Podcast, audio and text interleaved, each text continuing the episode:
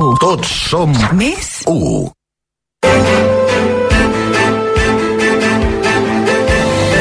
A RAC1 no ho sé, amb Anna Ballonesta.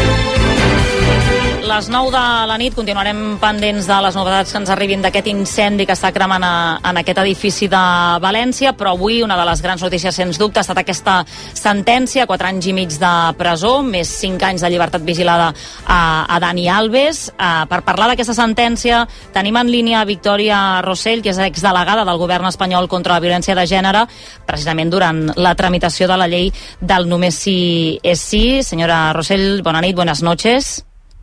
Hola, muy buenas noches. Muchísimas gracias por, por, atendernos, por atendernos y disculpe también la, tardanza, pero sabe que, que estamos pendientes de, este incendio en, en Valencia.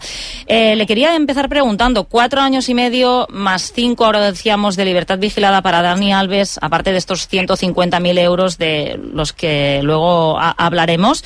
¿Le parece una pena suficiente, una pena ajustada, teniendo en cuenta que, eh, según la sentencia, queda demostrado que hubo violación y que hubo violencia?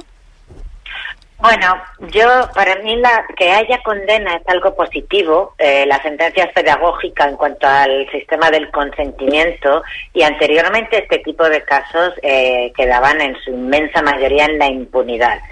Pero es verdad que tiene varios puntos débiles y uno es que la pena aplicada es prácticamente la mínima como si el tribunal lo valorara eh, como si fuera la violación más leve posible. Me explico, en la ley que aplica la pena de prisión es de 4 a 12 años, aparte de las penas por las violencias o daños físicos y psíquicos. Uh -huh. Aunque la considere reparada, cosa que muchas consideramos, muchas juristas feministas consideramos muy discutible, conforme a la ley y a la jurisprudencia, ¿eh? no por nuestro pensamiento eh, eh, y aún así reconoce esta atenuante como si se le hubiera reparado el daño, la mitad inferior es de 4 a 8 años, uh -huh. con lo cual pudiendo poner 6, 7, 8, pues 4 y 6 meses, es cierto, la propia víctima lo ha dicho a través de su abogada, que la condena en sí eh, le satisface, pero que la, la, pena le parece una valoración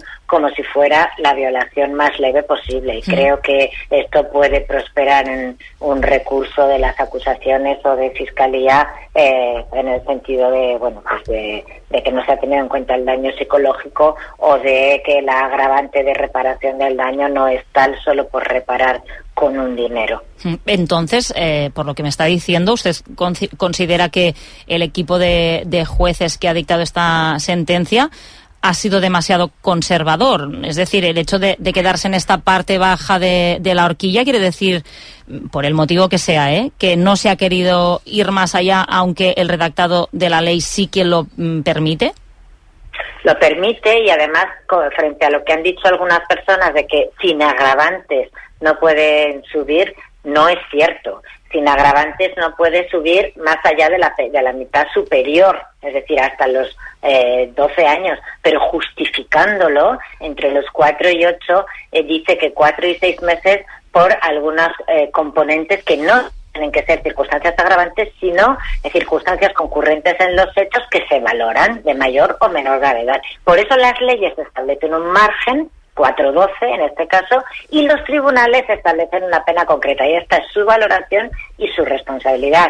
Alude la sentencia a la, a la um, edad de la víctima, que efectivamente yo también lo tendría en cuenta, son 23 años nada más, eh, pero no alude al daño psicológico, a la entidad de la violencia eh, ejercida, a, bueno, pues eso, a, a, a, los actos que la propia sentencia sí relata en los hechos probados que le permitían, como le digo, ir de 4 a, a 8. No es cierto que, que, se hayan visto obligados a la mínima, es una decisión del tribunal que hay que respetar, aunque digo, no es firme, se va a recurrir y quizá prospere alguno de los recursos. A mí me parece una valoración a la baja, pero es cierto también que la justicia española en general valora eh, a la baja al menos los delitos contra la libertad sexual sin extenderse mucho en valorar circunstancias que creo que están a la, a la vista de, de, o sea, que son valorables para cualquiera, incluso para no juristas. ¿Entiende por eso que haya gente que se sienta decepcionada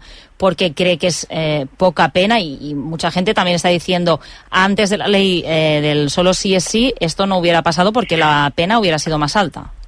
Bueno, esto no es cierto. Quiero decir, es verdad en la teoría que la pena mínima eran seis años, pero nadie me puede mencionar un caso en el que unas circunstancias y unos hechos similares un hombre de estas características, una mujer que en principio sí se va con él voluntariamente, pero después no tiene por qué aceptar una penetración inconsentida, como lo dice bien la sentencia, por haber habido tocamientos o abrazos, etcétera, a ver si alguien conoce una pena de seis años o diría incluso una pena. Lo que había antes era un sistema de impunidad basado en la violencia de la intimidación y no en el consentimiento. Y esto afortunadamente, y en eso sí es pedagógica la sentencia, ha sido eh, superado y, esto queda claro. Mm, mm, lo que eh, ha mejorado notablemente la condición de la víctima, su relativo bienestar, su acompañamiento psicológico, legal, policial especializado, ha sido toda la fase previa al juicio e incluso en el juicio no se podían formular por la ley solo si es sí preguntas sobre su vida sexual o su vida eh, íntima, eh, salvo que excepcionalmente se admitieran. Ha cambiado la regla general y la, y la excepción. Y también hay, hay una pena en la que la gente no está reparando, que es por la ley solo si es sí, son nueve años y medio sin realizar actividades con menores, ni siquiera no remuneradas. En el caso de Dani Alves, igual que de los jugadores de la Arandina, de Burgos, no entrenar a chicos y chicas, no hacer ninguna actividad de fútbol con ellos, ni siquiera gratuita o de exhibición. Esto no solo protege a la víctima, protege a todas las demás, a nuestras niñas y niños también. Entonces, hay una parte de la de la sentencia que atiende desde luego a la ley solo que me parece muy positiva, pero la pena de prisión, que no es lo fundamental para nosotras, pero proporcionalmente no parece la menor violación, la más leve posible, como para cuatro años y seis meses. Esto es mi valoración. Usted dice que no existen ejemplos eh, y evidentemente ahora no, no se lo puedo contradecir porque no sé si existen o nuestros ejemplos, pero sí que hay otras sentencias donde, como en esta, se considera aprobada una violación y la condena sí que supera estos cuatro años y medio. Aquí es quizá donde hay esta duda o donde la gente no acaba de, de entender exactamente por qué si finalmente se ha considerado que se trata de una una violación, que por lo tanto no había consentimiento y que también hubo violencia, que esta pena se ha quedado en la parte más baja.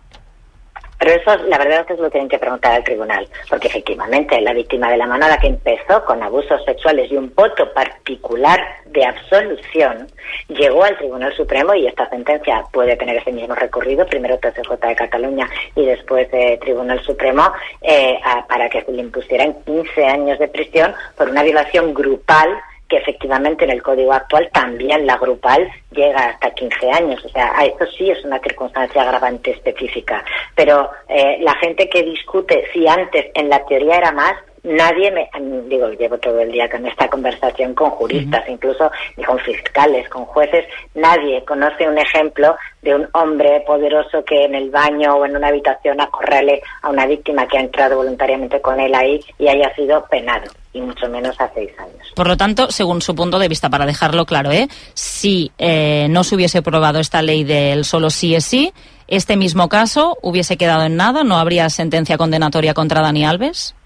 Los datos eh, nos dicen que el 92% de los casos eran impunes y que el 55% de los que sí se penaban el 55% de ese 8% que se denunciaba, las penas eran de dos años o menos. Esto lo dicen los datos del Consejo General del Poder Judicial. Creo que es evidente que estamos avanzando y no solo gracias a la ley, sino al, feminismo y a la cultura y a la formación que se está dando sobre el consentimiento y la libertad sexual. Estamos avanzando en más denuncias, este caso, o el de Jenny Hermoso, creo que en otro, eh, hace unos años no se habrían denunciado. Y de denunciarse no habrían prosperado, no habrían llegado a juicio y no habrían llegado a sentencia condenatoria. Creo que eso es una evidencia y los datos así lo avalan. Después ya está esta valoración, que es verdad que los tribunales en general, es injusto generalizar, pero en general tienden a las penas mínimas fundamentalmente en libertad sexual por encima de otro tipo de, delitos y ahí están los estudios del Consejo General de Poder Judicial y los de la Delegación del Gobierno contra la Violencia de Género que lo, que lo avalan y creo que estamos iniciando otra senda y en todo caso que la condena insisto, es positiva y la sentencia es pedagógica, pero eh, probablemente insuficiente y todavía tiene recorrido ante el Tribunal Superior de Justicia.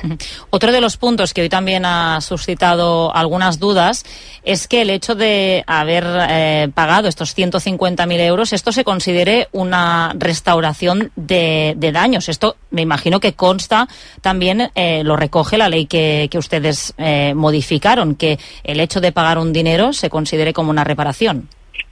No, esto es un atenuante que existe en todos los delitos en el Código Penal desde siempre. ¿Por qué? Porque tiene que premiarse de algún modo el que repares, pero reparar de verdad los efectos del delito, porque si no, no habría, no merecería la pena eh, nunca eh, repararlo, no habría ningún incentivo. Y esto se ha reconocido siempre. Otra cuestión es si es lo mismo reparar unos daños patrimoniales pagando que unos bienes personalísimos como es la libertad sexual. Y esto el propio Tribunal Supremo en muchísimas sentencias dice que no eh, eh, se pasa directamente automáticamente no se tiene como reparado un daño por un dinero, que entre otras entre otros datos el, el reconocer que sea no el delito, pero el reconocer que se ha producido un daño, incluso pedir perdón o reconocer a la víctima. Pero es que ah, con la ley actual el daño además incluye el daño social ¿Cómo va a ser suficiente para el feminismo jurídico? Lleva muchos años ya discutiendo esta atenuante, no que exista, que tiene que existir en todo Pero aquí, por ejemplo, no se ha considerado el, daño psicológico en el caso de, de, esta víctima. Le he dicho que para mí los, de los tres puntos débiles de la sentencia son precisamente la pena mínima la reparación, porque no considero que esta víctima se le haya reparado, y hay muchas sentencias y, la ley que exigen también reparación del daño social, no al revés, el daño social que se le ha causado por Daniel y su entorno, y porque precisamente no pena el daño psicológico. Sí lo tiene en cuenta para la responsabilidad civil, pero, pero no lo pena, el daño social, en fin, que yo creo que estos precisamente son los los tres puntos más débiles y los que más estamos criticando dentro del feminismo jurídico, que llevamos este debate muchos años, pero mm, bueno, a mí no deja de parecerme positivo que se abra el debate también a los medios y a la sociedad sobre si los hombres con más, en general hombres, que son el 99% de las agresiones sexuales son cometidas por hombres contra mujeres, si, si, si los hombres poderosos o con dinero pueden de verdad decir cuando han negado hasta último momento, eh, eh ocasionado y promocionado el descrédito de la víctima, pueden asegurar que han reparado el daño causado. Yo creo que es muy discutible. ¿No considera precisamente este punto que puede ser un poco contradictorio el hecho de que una de las conclusiones que se saque de esta sentencia es que una persona con tanto poder pues ha acabado siendo juzgada por un caso de, de violación, pero que a la vez el hecho de ser, eh, de tener este poder y de tener sobre todo este dinero, eso sirva como, como un atenuante y pueda llegar a, rebajar la, pena, porque entonces la conclusión es que las personas con más dinero eh, acaban cumpliendo menos años de condena en prisión. Bueno, me parece una evidencia que eh, la justicia mm, no es igual para todos en el sentido de que quien tiene más medios siempre ha tenido un mejor acceso a la justicia eh, y que, bueno, realmente puede tener acceso a, atenuantes o, reparaciones como esta. Hay un dicho que la verdad es que es muy cruel en derecho, es que el derecho penal es el derecho civil de los pobres. Eh, la gente con dinero suele llegar a acuerdos y evitar el juicio. Daniel ha estado a punto de llegar a un acuerdo. Entonces, esto creo que sería de una candidez poco impropia de los tiempos actuales, eh, pues de, darse cuenta ahora de que las personas con dinero tienen más acceso. Pero por eso mismo, un hombre cuya última casa, y lo dice la sentencia, costó 5 millones de euros, no se puede valorar el esfuerzo de 150.000 euros como si lo hiciéramos usted o yo, porque creo que para, para sería el equivalente para nosotras a pagar 50 euros. Esto no es eh, eh, la, reparación del daño y sobre todo no se ha hecho... Por eso, si no me equivoco, se ha aplicado una, una reparación del daño leve. Podría haber estado más alta, pero como que la cantidad supone una cifra un poco baja para su patrimonio, eh, se podría haber aún aplicado una reparación más alta. Sí, lo que dice técnicamente es que es la atenuante simple y no la muy cualificada, pero es que nosotras lo que lo que discutimos, que nos parece muy debatible es que puedas decir que se ha reparado el daño. Podría ser incluso una analógica, digamos, incompleta, en fin, que la graduación está en manos del tribunal, pero eh, bueno, pues se ha ido a la baja y ha aplicado un atenuante como si de verdad a esta víctima se le hubiera reparado el daño. La propia sentencia dice que está de baja desde la violación, que sufrió un estrés postraumático que le ha afectado a todas las parcelas posibles de, de su vida, ¿no? Entonces, considerar reparada la libertad sexual con dinero sin siquiera un gesto de reparación social, sino lo contrario, ¿no? Eh, pues lo que se ha hecho con esta víctima desde el entorno de Dani Alves a mí me, me parece que, que, podría ser discutible y podría, desde luego, fundamentar un recurso de, de apelación aparte de la, de la entidad de la pena. Insisto, dentro de un conjunto de, de que la condena en sí nos parece mm, importante y, pedagógica, pero con estos puntos débiles que sin duda serán objeto de discusión jurídica en, más adelante. Termino ya, señora Rosell. Igual que en el caso de, de, la manada sirvió para cambiar esta percepción de la violencia, la diferencia también entre abuso y agresión, ¿usted cree que esta sentencia también va a tener mm, repercusiones más allá? Estoy segura, estoy segura de que en Europa y en todo el mundo donde, es tan conocido este eh, Dani Alves, ahora por, sentencia declarado agresor sexual, aunque no sea firme, eh, cuatro años y medio, nueve y medio sin realizar actividad, inhabilitado para toda actividad con menores de edad, más cinco años de, de libertad vigilada, eh, la indemnización, la multa de nueve mil euros por la lesión en la rodilla, etcétera. Eh, bueno, pues creo que sí que va a ayudar a comprender que España tiene un buen sistema con el sistema del consentimiento que vuelve a ser un, país puntero en, en, la lucha integral contra las violencias machistas, como lo fue en su día en 2004 contra la violencia de género en pareja, pero bueno, 20 años más tarde casi, pero, pero, pero bueno, de todas maneras un referente. Creo que va a ser mejor valorada afuera que dentro, lo cual también suele pasar en nuestro país. Ha quedado claro. Señora Rosell, muchísimas gracias por atendernos eh, esta noche en el 9 de RAC1. Que vaya muy bien. Buenas noches. Gracias. Gracias. Bona nit. Doncs bé, això és el que, el, el que defensa, doncs, eh, com dèiem, l'exdelegada del govern espanyol eh, contra la violència de gènere, mentre es va tramitar aquesta llei del només sí és sí, treballant colze a colze també amb l'exministre d'Igualtat Irene Montero. D'entrada us he de preguntar si vosaltres us ha sorprès la, la sentència tenint en compte el que queda demostrat i la pena, com ara dèiem, de, de 4 anys i mig, i t'ho començo preguntant a, a tu, Maria, com a, com a advocada. Tu t'ha sorprès Mira, o no? No em creureu, però just abans que es publiqués estava amb uns companys i deia si hi ha una pena de 4 anys, jo m'ho creu. O sigui, veig que és possible que hi hagi una pena de 4 anys, també veia possible que n'hi hagués de més, eh? però tampoc no ho descartava. Primer, aquesta secció de l'Audiència Provincial té tendència a imposar penes bastant baixes.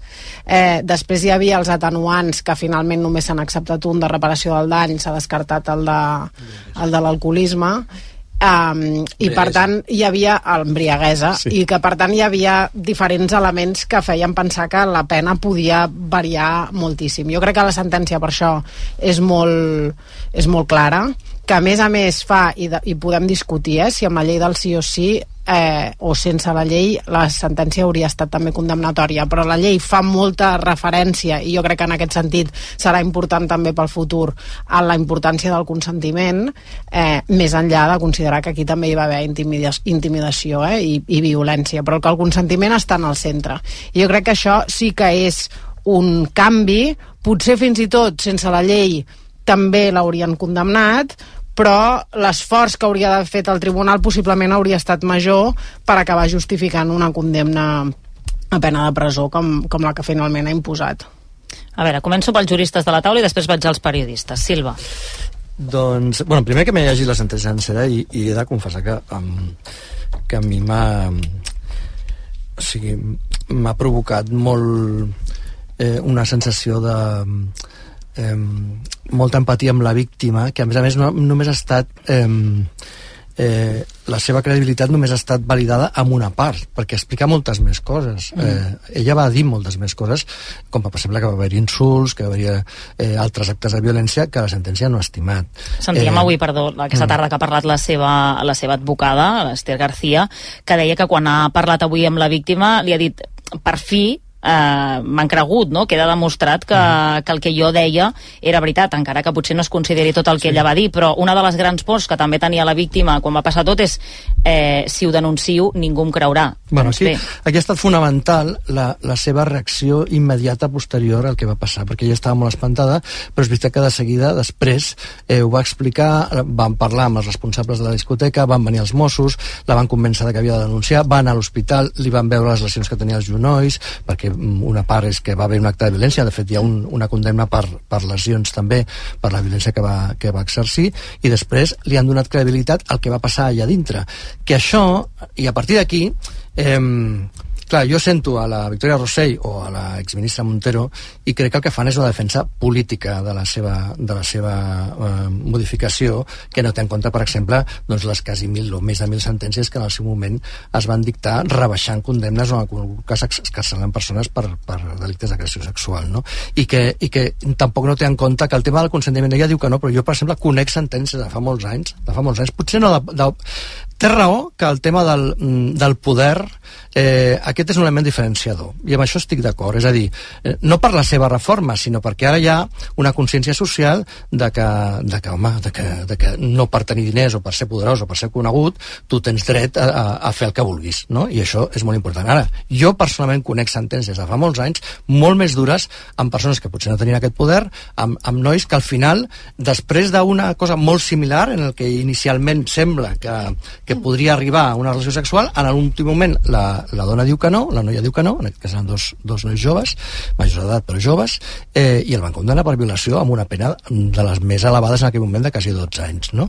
Eh, és a dir, el tema del consentiment, que, que diuen que el van col·locar en aquí en el centre, era un tema d'acreditació de les proves i de credibilitat, i la diferència en aquesta sentència és que li donen credibilitat a una cosa que va passar allà dintre i que evidentment no hi ha més proves que el que diguin un o digui l'altre per la reacció que va tenir aquesta noia posterior i perquè també altres coses també hi ha alguna lesió.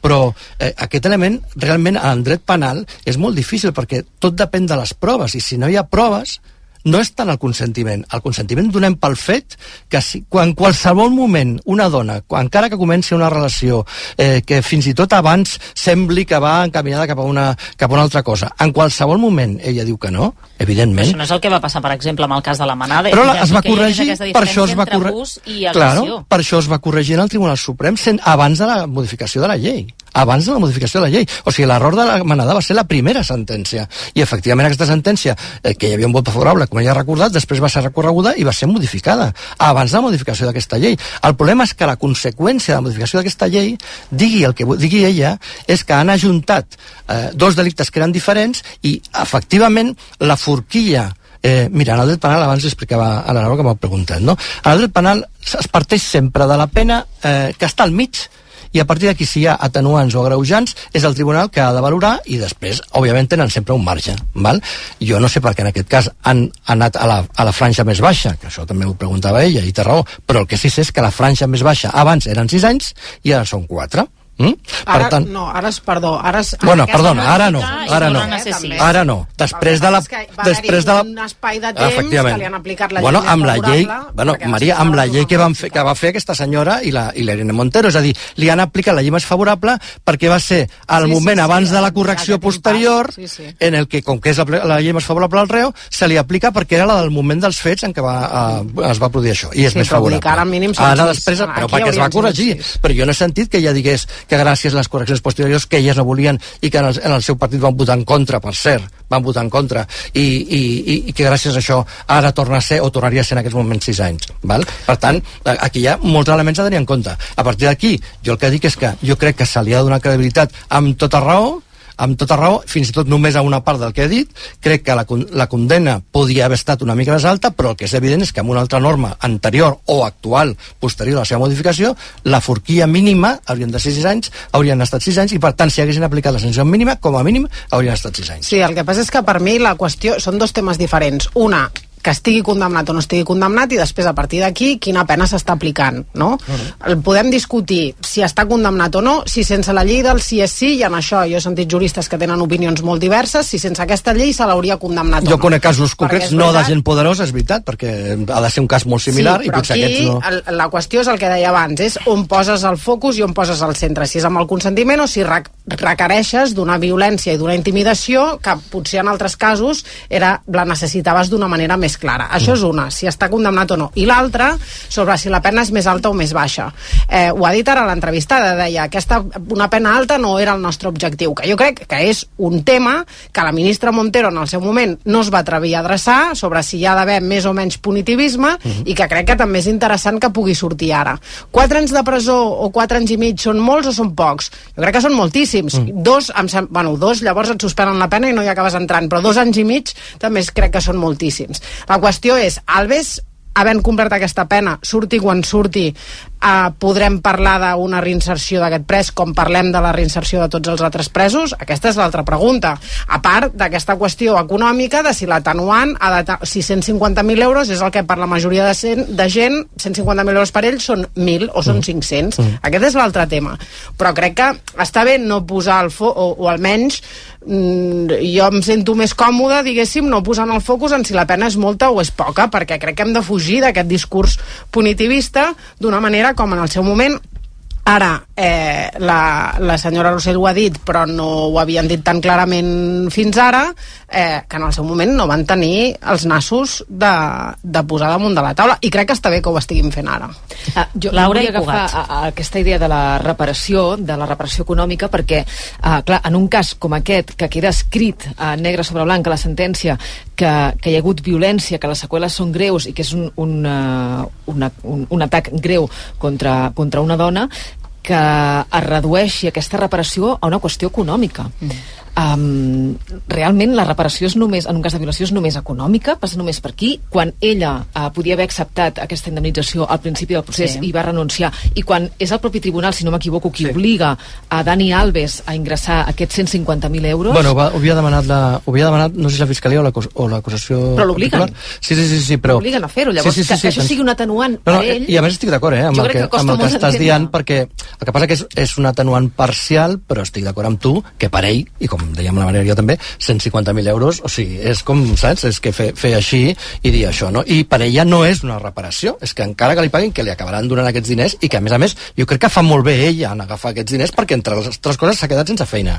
No eh, sabem eh, si els agafarà o no, és a dir, no, no, ella des del principi es... va dir que no els volia, no. eh, ella, ella va dir que no els demanava, però la, però la reparació, no, no sé què faran bé els diners, evidentment, però vull dir que la, la, els diners, per mi, són perfectament, o sigui, una persona que està patint, que ha d'anar a psicòlegs, que no pot treballar, que està de baixa, i que, com a mínim, una part de la reparació que sí que, sí que és econòmica. Que sí, que sí, però saps? que això sigui que el fet que ell hagi ingressat aquests 150.000 sí, euros serveixi com a atenuant per, uh -huh. per rebaixar la pena... Doncs això està en Codi Penal, és el que explicava doncs, la Victoria Rosell. Ja, ja, sí, sí. d'acord. I és, després jo crec que sí que hi ha una part important uh, socialment a destacar d'aquesta sentència i és com argumenta uh, tota la reflexió voltant del consentiment, no? que per molt que, i, i ho deia Victoria Rossell, no? per molt que uh, una noia balli de forma sensual amb algú, o per molt que l'agafi de la mà, per molt que el toqui, això no implica que estigui donant el seu consentiment a tenir relacions sexuals. Per molt que comenci una relació sexual, abans, després i durant s'ha de uh, tenir aquest consentiment. Crec que és important perquè com és un cas uh, tan mediàtic i és un cas que, vulguem o no, serà exemplaritzant uh, pel que pugui venir després,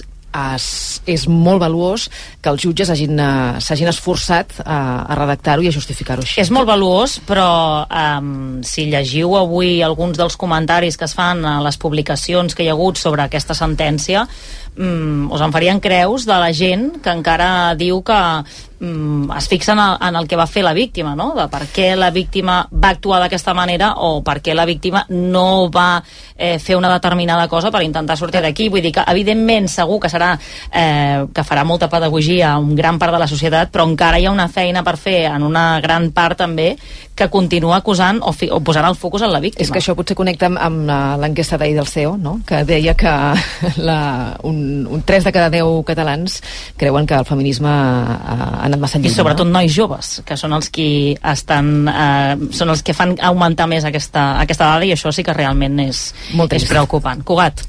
Des de la vorera dels que no som juristes mm, avui el, el text eh, una mica recollint també el que s'ha dit eh, el text expressa tot de coses i dius, hòstia, és prou vehement és prou eloquent no? eh, és prou descriptiu i serà potent i llavors quan veus la, la traducció en, en la pena dius aquí s'ha perdut alguna cosa insisteixo, jo no sóc jurista el tema dels 150.000 el trobo, em, em, em causa un impacte gairebé com, de, com, com vomitiu, no? de dir, de dir perquè no deixa de ser posar preu a tot això que s'està dient, no? I la, la falta de, de reparació és manifesta. El, la mare del, la mare del futbolista, no sé si són tres setmanes abans de l'inici del, del judici, està airejant la, la identitat sí, sí, sí. De, la, de, de la víctima.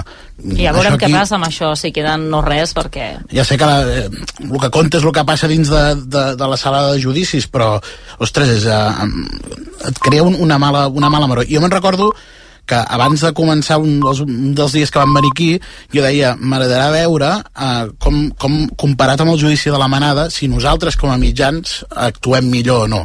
I llavors jo crec que avui la notícia és la, la sentència, eh, confio entre això que deia la Maria de com és aquesta sala i el recorregut que va tenir la sentència de la manada, confio que en, en el recorregut que encara té la sentència la cosa es pugui arrodonir a, a l'alça però crec que d'aquí uns dies caldrà fer la, la valoració de com hem canviat els mitjans, com ha canviat la societat, com ha canviat la llei, ja n'estem parlant de la llei, i com ha canviat l'actitud dels jutges envers casos més o menys similars en aquests 4 o 5 anys. No només perquè haguem progressat, sinó per saber encara quin és l'àmbit de millora, eh, perquè això sabem que passarà mm, i que es repetirà, llastimosament, però es repetirà d'aquí 5, d'aquí 10, d'aquí 3, quan, quan hagi de ser. Per tant, crec que els mitjans, potser el tractament durant el judici, ja ho podem dir, que ha estat una mica més net o una mica més pulcre que no pas el de la manada, amb un marge de millora que és eh, abismal. Hi ha hagut de tot, eh? Uh, tot hagut... a dir, eh? Sí, dir... però jo tinc la... Mm. Tots són percepcions, sí, sí, sí, sí, no eh? raó, però no tinc la percepció que s'ha parlat molt de les excepcions de la norma i que la norma n'han estat bastant respectuosa amb, amb la víctima. Uh, és a dir, general, és a dir sí. tro trobo que han Però cantat, han cantat les excepcions de comunicació per afavorir segurament mm, bueno, perquè és una persona poderosa i una persona coneguda per afavorir també la versió Evidentment, però aquí tothom sempre juga les seves cartes. de l'altra sí, sí. part per això és important a partir d'avui, perdona a partir d'avui ja no parlar de, del futbolista de l'acusat, és, és el violador és, és, el, o sigui, és el sentenciat el senyor Alves ja no és mai més futbolista és són un, fets provats. és un, exacte, fet provat de, de, de violació. Però per això et dic que durant el judici tinc la percepció de, de que, de que ha, ha dominat una, una praxi periodística bastant més respectuosa, per tant tindríem a millorar, també tinc molt clar que, que hi ha molt, molt de camp uh, per córrer. I per últim això dels 150.000 euros amb, pff, i, i la capacitat que té el senyor Alves de treure'ls és que s'acosta ja en aquella cosa de la justícia de classe que és, a, que és el pitjor que li pot passar al món de la justícia Maria. No, eh, dues coses, bueno, tres. Una, que sobre si la sentència és exemplaritzant o no, que és una cosa que també he sentit molt avui. Jo crec que l'exemplaritat eh, ha de ser és a dir, no ha d'existir en un tipus de sentència, en una sentència penal on, no, si tots som iguals davant la llei, no pel fet de ser periodista, això ha de ser o periodista o futbolista, el que sigui, això ha de ser més exemplaritzant que un altre. El senyor Alves s'ha pogut jutjar com qualsevol altra persona i crec que això és important i ara té una condemna, que ja veurem si és ferma i quan ho serà ferma, i haurà de complir-la, i ja està. Sobre el tema de la reparació del dany, és un tema molt interessant perquè a molta gent li ha estranyat que es quantifiqués, però que aquesta és l'única manera que té la llei de posar-hi diners de reparar el dany. I aquest és un tema que em sembla, algun cop aquí hem parlat de la justícia restaurativa, la justícia restaurativa està expressament exclosa dels casos de violència sexual. I crec que és una cosa que també podríem replantejar, perquè ningú li ha preguntat a la víctima què la faria sentir reparada, no? Moltes vegades les víctimes expliquen que en un procés penal noten que això no va d'elles, o sigui que tot va, evidentment, de l'acusat, de la pena que li caurà, però de les seves necessitats, d'allò que elles necessiten per sentir-se reparades, ningú en parla mai. La justícia restaurativa té en compte i va buscar justament això. Però, com deia, en un cas com aquest queda exclòs. Potser és un bon moment també per plantejar-nos i per preguntar-nos de quina manera aquesta víctima voldria ser reparada. A vegades és que em demani perdó, tenir una conversa amb ell, evidentment, amb totes les precaucions i amb professionals que segueixen tot el procés i aquesta trobada no té lloc fins que les dues persones no estan molt preparades, eh?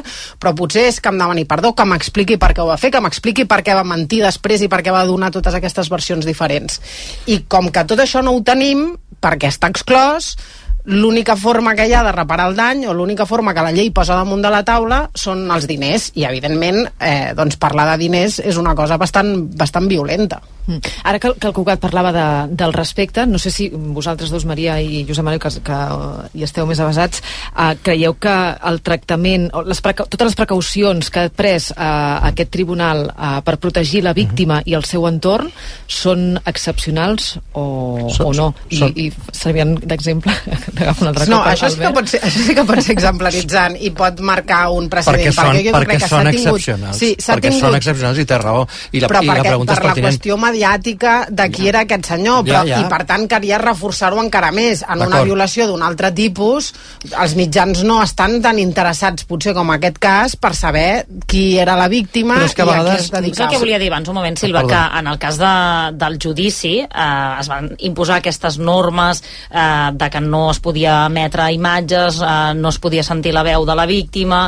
És a dir, estava tot molt protegit i a l'inici del judici, que va ser ràpid, van ser tres dies, es deia a veure si realment Mhm. això es compleix i cap mitjà de comunicació no aconsegueix, que mm, tots estem molt acostumats, a que algun mitjà ha aconseguit unes imatges de mm, no sé qui sortint de l'entrada del pàrquing amb la furgoneta o hem vist la víctima, no sé què.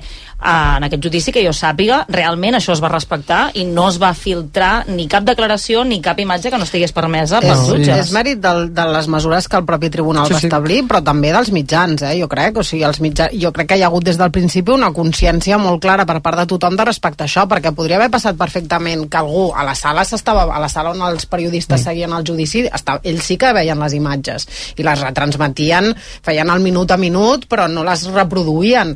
Perfectament hauria pogut passar que un periodista gravés la tele, la pantalla que li havien posat al davant i emetés aquestes imatges que haurien estat super sucoses i molts mitjans les haurien volgut tenir. I tant. I jo crec que això també és una diferència. també, eh? amb Perquè- re- perquè el tribunal va deixar claríssim que això no es podria fer. Vull dir que crec que també això és una cosa nova d'aquesta responsabilitat dels mitjans, aquest respecte cap a la víctima i cap al propi procediment judicial que moltes vegades no hem vist i que, bueno, tots hem vist, no?, periodistes que havien practicat un determinat tipus de periodisme fa 20 anys i que ara se'n penedeixen i ho veuen completament Sí, diferent. totes Doncs crec que això s'ha de celebrar. De- Deixem que, que ampli una mica més el que pregunta la Laura, perquè em sembla molt, molt interessant, perquè tu dius que, que, que s'ha fet i que amb això sí que és exemplaritzant, però és veritat que és excepcional, però fixa't que encara que en altres casos potser les persones no siguin tan conegudes i per tant no requereixi l'actuació dels mitjans o la, la intervenció dels mitjans i això no es pugui divulgar, a lo millor sí que es pot arribar, o sigui, a lo millor les conseqüències són pitjors perquè pot arribar al seu entorn, a amics d'altres persones, és a dir, al final aquesta victimització precisament amb persones que no són conegudes a vegades és més costosa, saps què vull dir? Sí, és a dir, sí. amb dones que a lo millor eh, no han tingut aquesta protecció que en aquest cas s'ha tingut perquè, eh, perquè l'altra persona és molt famosa, pot ser molt més perjudicial i se'ls hi pot coaccionar perquè no acabin declarant, perquè acabin arribant a un pacte, perquè acabin pagant, perquè al final diu, per què em ficaré en un d'allò? Perquè a vegades, perquè escolta, una altra cosa que s'ha fet amb aquest judici, perdoneu, eh, però és espectacular la rapidesa amb què s'ha fet Sí. i que, amb què s'ha dictat sen- sentència, que tothom pensava que quan el van citar ahir era potser per, per acordar alguna mesura provisional o no, i resulta que era ja per dictar la sentència. I l'han fet en dues setmanes i t'he de dir que des del punt de vista de la qualitat jurídica és molt bona. Aquesta sentència està molt ben feta i molt ben redactada. Podem discutir si estem més o menys d'acord amb, el que, amb, la, amb la condemna. Però tot això s'ha fet per la dimensió que té respecte dels mitjans. És a dir, és Però molt és interessant la relació això, també, entre no? la O justícia i el paper dels mitjans aquí, perquè això, en molts altres casos, el problema és que, les, que aleshores les víctimes, les víctimes també estan més desprotegides, saps? Perquè als mitjans no els interessa, i com que no els interessa els mitjans, tenen més capacitat altres persones d'influir o de perjudicar aquestes persones. O sigui, a vegades el paper dels mitjans aquí també ha estat mm, beneficiós per, per poder protegir més a la víctima. I és veritat que hi ha un canvi, eh? tot i que segur que hi ha de tot, i no dic que hi ha les xarxes, perquè jo avui mateix tinc dones, curiosament, que en el, en el, en el Twitter estan eh, en contra d'aquesta sentència dient dones que, dius, que diuen que no s'ha demostrat res perquè això va passar allà dintre i que, i que és, És que mentida. ser i això dona és no vol dir que no es pugui ser Sí, sí, però que em masclista, sobta, eh, em sobta moltíssim. no ni que ja ho sé, o sigui, això ja ho hem parlat, però bueno, amb noms i cognoms, noms. eh, que dius, mira, no li, ni li contesto perquè no puc entendre. I després la segona cosa, sobre el tema de la reparació i la justícia restaurativa, que estic d'acord amb tu i que és molt interessant. El problema és que quan, primer, aquesta sentència que es pot recórrer, per tant, ara no, no reconeixerà cap mena de culpa, però el problema és que l'Albes no només no només no ha demanat perdó, és que el que ha dit és que aquesta noia estava disfrutant igual que ell és que ha dit tot el contrari. Per tant, dit- difícilment... ha dit cinc coses diferents. Bueno, ha dit moltes coses, ha anat canviant cada vegada, diguem... O sigui, això no s'ha tingut en compte pitjor. tampoc a la sentència, eh? La el sentència diu, versió. eh? La sentència diu, eh? que un sí, dels problemes ho de la... recull, però, però, però ja està. Sí, però el que vull dir... Sí, però el que vull dir és que li, precisament amb ella li dona credibilitat per la consistència de tot el que va dir i en canvi les coses que diu ell, tot i que... A veure, diu el contrari en realitat. Diu que un, un acusat té Pot- tot el dret pot a mentir. canviar la seva versió. No, no, i que no té, ningú té per què... Sí, sí, no és un testimoni. Ningú té per què eh, declarar en contra d'un mateix, que és un dret constitucional. Però a la vegada, penseu que això en el tribunal crea una sensació de manca de credibilitat per ell i, i credibilitat per l'altra persona. Perquè si l'altra persona sempre diu el mateix i ho diu en consistència i ell ha canviat cinc vegades la seva versió, és evident que no creuràs cap de les cinc vegades. Però també és veritat que és difícil restaurar res si ell t'està dient no només que no és culpable, sinó que ell sent que no va fer, a l'última versió, que no va fer res dolent, sinó que estaves, ho estaven passant molt bé i que allà dintre no va passar És res. que jo no descarto... El que passa és que això, evidentment, no l'eximeix de culpa gràcies a, a Déu i al Codi Penal, però jo no descarto que ell es pensés que allò no era una violació, No, eh? clar, clar, clar. Perquè està Potser tan està convençut. acostumat... Sí, sí, sí. Clar, està tan acostumat que el consentiment o el desig de l'altre és una cosa que ell com a home no té per què tenir en compte, Com a no? home, amb diners i, i conegut Exacte, i i, i, i ell potser, i ara és especulatiu purament, eh? però ell potser dins del seu cap una violació vol dir eh, fotre una pallissa prèviament a la persona que has de o violar. atacar algú pel carrer, no? També que molta gent té aquesta molta gent es pensa que una una violació, només pot violació ser és, això. Llavors, per això parlava també de, de quina manera ell pot reinserir-se a la societat. Si aquesta pena farà que entengui que el que va fer era una violació i que pot haver-hi una noia tontejant amb tu i que després no vulgui tenir te- relacions sexuals amb tu Mhm. i això, si tu malgrat això vols tenir-les i les tens, és una violació. Mhm. Doncs crec que és interessant, més enllà de si la pena és més alta o és més baixa, més enllà de si eh, hi ha hagut més o menys mm, garanties per la víctima, per qui era l'agressor, no sé què. Crec que l'interessant és de quina manera aquesta persona es reincidirà a la societat i de quina manera va veient els fets a mesura que vagin passant els mesos, que al final l'objectiu d'una pena de presó és essencialment aquest. 4 minuts i arribarem a tres quarts de 10 de, de la nit. Deixarem aquesta, aquesta qüestió. Mm, Segur que en parlarem els propers dies quan també sapiguem com s'acaben resolent també aquests recursos, tant per part de la víctima com per part de, de la defensa de, de Dani Alves. Farem una pausa i quan tornem actualitzarem la situació amb la informació aquesta que començàvem, amb aquest incendi que hi ha hagut a València. En parlarem amb un exbomber que ens pugui explicar també les causes d'aquest incendi. Ara de seguida tornem. No ho sé, amb Anna Ballonesta. A CaixaBank sabem la importància de tenir algú a prop. A l'illa més remota del món i aquí, a prop teu. Per això tenim presència en més de 2.000 municipis per promoure l'economia rural. Impulsem l'ocupació dels joves amb la formació professional dual i donem suport als emprenedors amb més de 100.000 microcrèdits l'any. CaixaBank. Tu i jo. Nosaltres. En què et fixes quan esculls un llibre? En el títol, l'autoria, l'editorial, la coberta... Però té el segell d'Ecoedició? L'Ecoedició és una forma innovadora de gestionar les publicacions amb criteris de sostenibilitat ambiental. Entra a institutecoedició.cat i descobreix quin paper jugues a l'hora d'escollir un llibre. Fes un bon paper. Escull Ecoedició. El teu fill està desmotivat amb l'escola? S'ha encallat amb les matemàtiques, la química o l'anglès? No és capaç de concentrar-se? Descobreix profe.com, classes particulars per videotrucada que s'adapten a cada alumne amb tutors de seguiment, xat de deures i una metodologia comprovada en totes les assignatures des de primària fins a batxillerat. Comença avui amb la teva classe de prova gratuïta a profe.com. A Mundo Deportivo ho vivim tot minut a minut. La tensió de cada jugada. L'adrenalina de cada volta. L'emoció de cada punt. Els nervis de cada final. Mundo Deportivo. Ho donem tot. RAC més 1. Podcast. Torna Oxigen, un podcast que et farà reviure situacions històriques de temps extrem a RAC més 1, amb Mònica Usar.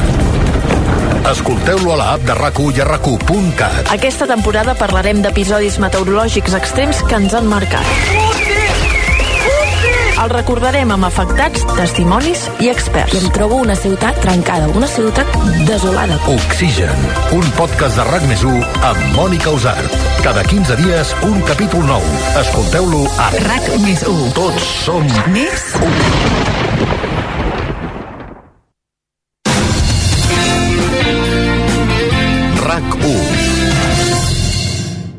Polestar. Tot va començar amb una idea. Una idea amb vista al futur. I amb aquesta idea continuem. El Polestar 3, el sub de l'era elèctrica, s'uneix al Polestar 2. Descobreix la nostra gamma a l'Espace de Barcelona. Rosselló 214. Polestar.com Comença el dia amb molta energia a Basic Fit, a casa o al gimnàs de la cantonada. Apunta-t'hi ara. Gaudeix de 4 setmanes extra i emporta't una motxilla. Senta't bé i fes del fitness el teu bàsic. Consulta't les condicions a basic-fit.es. Basic Fit. Toc, toc, te n'has assabentat? Arriben els Suzuki Days. 3 dies de descomptes exclusius a la gamma Suzuki. Què? Doncs això, fins a 6.500 euros de descompte en vehicles en estoc i un bo de 500 euros de descompte addicional. Estrena Suzuki a preu imbatible. Imbatible! Suzuki Days, 21, 22 i 23 de febrer. Consulta les condicions de la xarxa de concessionaris Suzuki de Catalunya. Actualitzada. Més fàcil. Ara, a racu.cat encara és més fàcil descarregar, escoltar i compartir els teus podcasts preferits. R-A-C-U.C-A-T El portal de notícies de RAC1.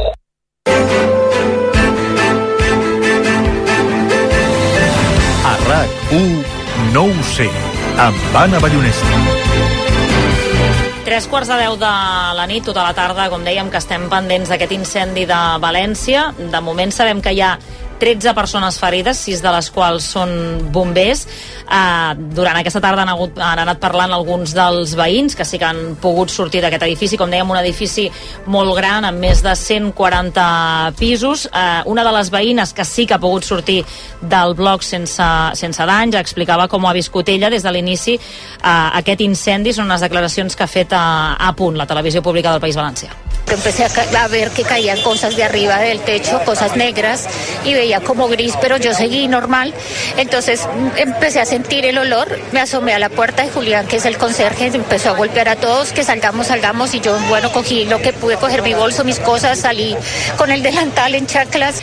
És el testimoni que ara sentíem d'una de, de les veïnes. N'hi ha centenars, és un edifici que evidentment hi viu moltíssima, moltíssima gent. Uh, per saber, però, les causes, què és el que pot haver provocat aquest incendi, tenim en línia l'arquitecte tècnic, també excomandant del cos de bombers de València, el senyor Marcelí Rosaleny. Senyor Rosaleny, bona nit.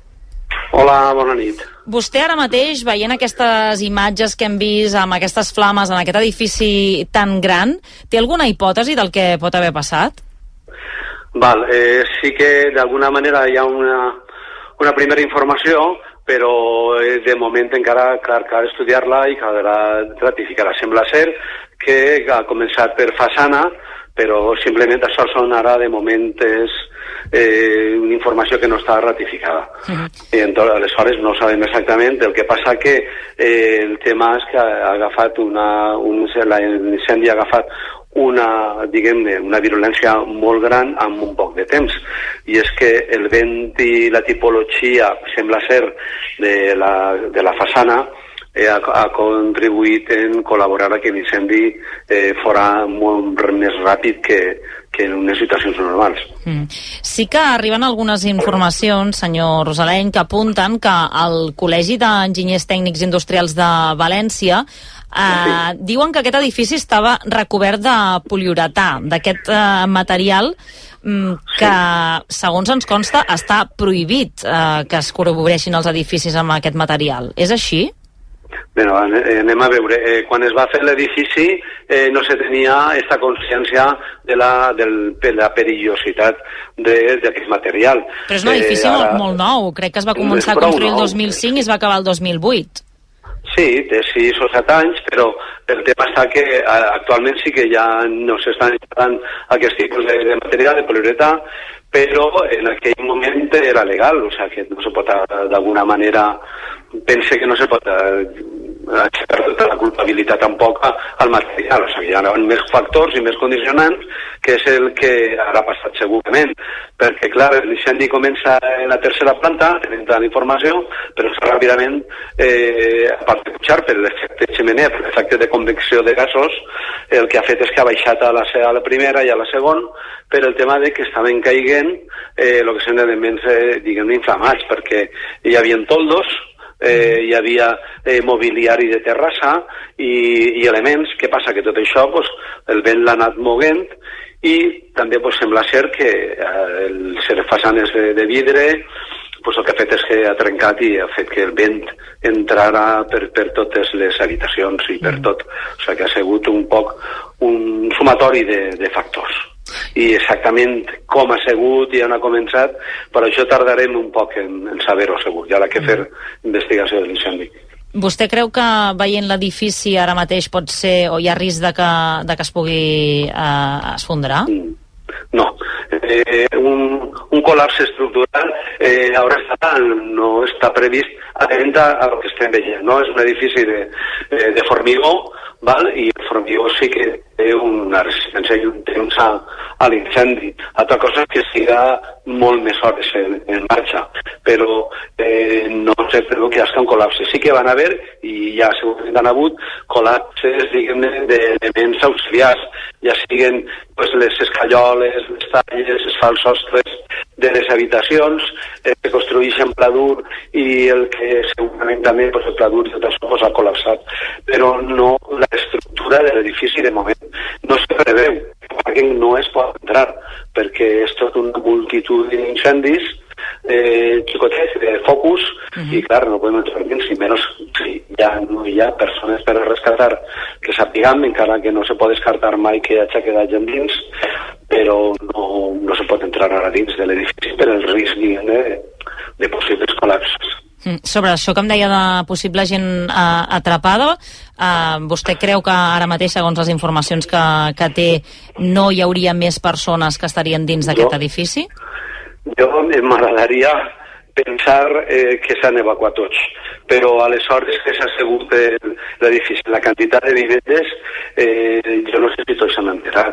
Pensem que en un edifici de tants, de tants habitatges eh, viu gent i viu gent major i gent diguem amb discapacitats i no sabem. O sigui que jo de moment eh, sembla ser que sí, estan en tot el moment de, diguem-ne, de la recaptació i el eh, comptar tot el personal que viu en, en aquests habitatges, val? però jo mm, de, no descartaria que tinguem alguna sorpresa desagradable. Ojalà, eh? Ojalà no fos així, però els condicionants jo no asseguraria ja s'han tret totes les persones. El que està clar és que ja, ja no en vida s'ha pogut salvar, els meus companys han pogut salvar a, a dos xicons que s'han quedat en, en la façana, però no tenim consciència que ja estem més, mm -hmm. però no descartaria jo. Um, per com està situat aquest edifici, creu que el foc es podia estendre encara a altres blocs del, no. del costat o estaria no, controlat no. en aquest sentit? No, eh, no, està controlat. L'incendi eh, està controlat. Tardarem a extingir-lo, però controlat està. Els mitjans de, de bombers han anat ràpidament i s'ha pogut aguantar l'edifici de, del costat i tal, però no, jo no valorem més, eh, diguem-ne, que ja és una extensió d'altres edificis de, del voltant. El que sí que està passant, que com continua el vent, pues el que està passant és que els focus interiors, a l'estat tot obert, els focus interiors eh, s'estan avivant Val? O sigui que en vez d'amainar el que estan fent és anar un poc més avant però clar, conforme vaig acabant-se el combustible pues aleshores anirem, anirà apagant-se, clar. De quina manera actua tot el dispositiu de, dels bombers en un incendi eh, com aquest? Quina és la intervenció que es fa inicialment i de quina manera s'intenta apagar aquest, aquest foc tan gran? La veritat és que, que és el més complex que podem tindre en l'operativa de bombers però clar, eh, nosaltres tenim unes pautes, les premisses essencials que primer és el rescat a, a les persones i després ja intentar apagar el foc, de vegades que apagar el foc i buscar les persones. I aleshores la prioritat és el rescate. Que és que clar, a la ciutat de València eh, ràpidament pues, han pogut prou dotacions de, de bombers i el que s'ha fet, pues, eh, el que normalment fem, uns equips van entrar a l'edifici a intentar rescatar i, i veure si hi ha persones i l'altre equips eh, el que van a fer és intentar aguantar el foc o extingir-lo. Eh, és la dinàmica normal. Aleshores, què ocorre? Pues l'edifici, d'alguna manera, en la primera part, el que són les estades sectoritzades han funcionat, pues se pot eh, accedir però la veritat que ha sigut un foc molt ràpid i ràpidament s'ha estès i això el que ha fet és que eh, l'accessibilitat de bombers pues, ha sigut eh, complicadíssima. A més, si us heu vist en la televisió, un dels bombers s'ha salvat sí. perquè s'ha tirat a, a un matalàs eh, gran de rescat, si no s'haverà cremat, poc estava agarrant-lo ja, i alguns s'han cremat, o sigui que ha sigut molt ràpid, molt violent i, i amb molt de risc. Quantes, per a tots. quantes hores creu que, que pot seguir cremant, Això? per tant, encara? Bueno, jo, jo crec que cremant com a mínim eh, 12 hores. 12 Com a mínim, hores? eh, sí, sí, sí, sí. Sí, perquè hi ha molt de focus i, i el vent està ajudant. Però, bueno, el que és una cosa sí, pot ser que que d'ací 8 o 10 hores s'examina molt, però és que ja quedes escombrar, eh, que diem els bombers, no? ja que eh, queden muntanyetes pues, on estan l'acumulament de materials, val? i aleshores hi ha que agafar i anar desescombrant-ho. Però i, eh, tenim que veure l'estructura abans de començar a entrar, veure l'estabilitat que té, eh, al millor hi ha que, que estabilitzar, que apuntalar, o sigui que va ser, va ser un incendi llarg eh, i complicat d'intervenció. Clar, si em diu que encara pot estar cremant durant 12 hores més, per tant ens situaríem sí. a, a demà a Prou- les 10 prou hores, sí. del matí, com a mínim. I a la matinada segur. No sé si els veïns, per exemple, de, que viuen a, en aquesta zona o s'han eh, recomanat, per exemple, que es confinin dins de casa seva, ho dic sobretot pel, pel fum. Sí, sí, no, el fum és, és un fum eh, prou tòxic per el material que està ardent i el que s'ha fet, pues, bueno, les persones desalojades les han, eh, les han portat a hotels val? i els edificis eh, de la zona d'afecció del fum, pues, el que s'ha fet és confinar, o sigui, simplement tancant eh, finestres eh, i portes i tot això, pues, eh, se pot estar dins de les vivendes, eh, de moment, eh? o sigui que, que sí, que estan confinades i alguns ja, pues, el que pot moure marxar a altre lloc, pues el que fa és marxar a altre lloc, a algun familiar o, alguna, o, a, o a algun conegut mm. per passar la nit. Però bueno, esperem que, que no hi hagi més. Acabo a, a, amb l'última pregunta. Mm, Crec que vostè digue'm. ha estat al cos um, pràcticament 40 anys. Mm, Li Sí, pregunto si, 38. si recorda algun incendi i com aquest, amb tot aquest desplegament que afectés un edifici tan gran com aquest. No, a nivell urbà no. Sí que han tingut incendis importants eh, eh, en algunes vivendes, però això és, és el més gran, que, que jo crec que coneguem un poc en la història de, de València pràcticament. Eh? Els registres que tenim ha sigut un incendi eh, diguem, més gran, que més afectat, a més vivendes afectat i, i amb més virulència i, i, i perillositat. Doncs uh, gràcies, moltíssimes gràcies al Marcelí Rosaleny, com dèiem, és arquitecte tècnic i també excomandament del cos de bombers de València durant 38 anys. Moltíssimes gràcies per totes les explicacions que ens ha donat avui el 9C. Vinga, Que vagi bé. gràcies. Bona nit. Vinga, adéu, adéu. Doncs ara ens ho deia ell, 38 anys al cos i mai havia vist eh, un incendi tan important com aquest, com a mínim a la, a la ciutat de València. Mm, també mm, és veritat que posava, no en dubte, però sí que no descarta que hi pugui haver gent que hagi quedat eh, atrapada dins d'aquests eh, edificis perquè estàvem parlant, evidentment, d'un bloc que té més de 140 pisos. Per tant, És que estem... són, són molts veïns, eh? Són molts veïns sí, sí. i era una hora, no?, a la mitja tarda, 5-6 Mhm. de la tarda, que és fàcil... Una mica abans de les 6. Que, que hi hagués gent a casa. Esperem que no, evidentment, i que s'hagi pogut desallotjar a, a tota la gent que estigués a, a dins d'aquests uh, blocs, d'aquest edifici, però, però vaja, aquestes properes hores també eh, seran complicades, 12 hores més que pot estar cremant encara aquest bloc. Digues, que veient, veient la magnitud de l'incendi, si no troben, o sigui, si no hi ha víctimes, és realment perquè aquestes falles facin més ofrenes del compte a la Japarodeta, perquè és, fa, fa por, i a part, no sé si us ha passat a vosaltres, però veure que una, un, un edifici d'aquesta dimensió pot ser vulnerable a les flames amb aquesta rapidesa, jo he anat directament a fer la regla de 3 amb la de construccions similars que tenim a Mataró. Estan fent per exemple una torre ara de 26 plantes que és infame però bueno, igual, ara no, no estem per això.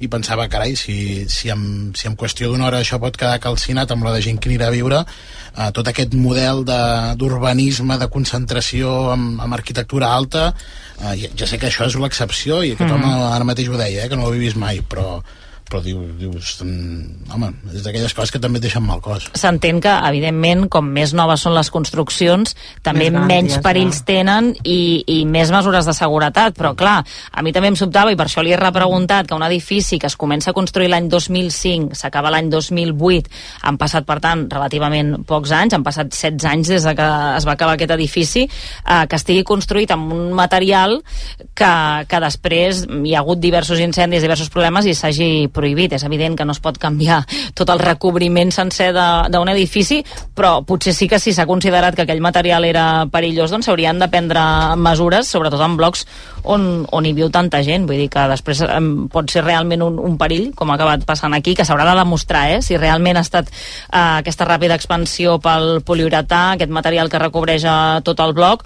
o pel que deia ell, que s'hagués escampat també per, les, eh, per la connexió, crec que ha dit, de, del gas d'aquest Mhm. edifici, i que això hagués fet que, que hagués anat tan, tan, tan ràpid a, a aquest incendi, però vaja. Estarem molt pendents, evidentment, des d'aquí a RAC1, ara de seguida actualitzarem tota la, la informació i demà al matí, evidentment, a partir de les 6 del matí al Món RAC1 també actualitzaran tota la- l'última hora sobre, sobre aquest incendi.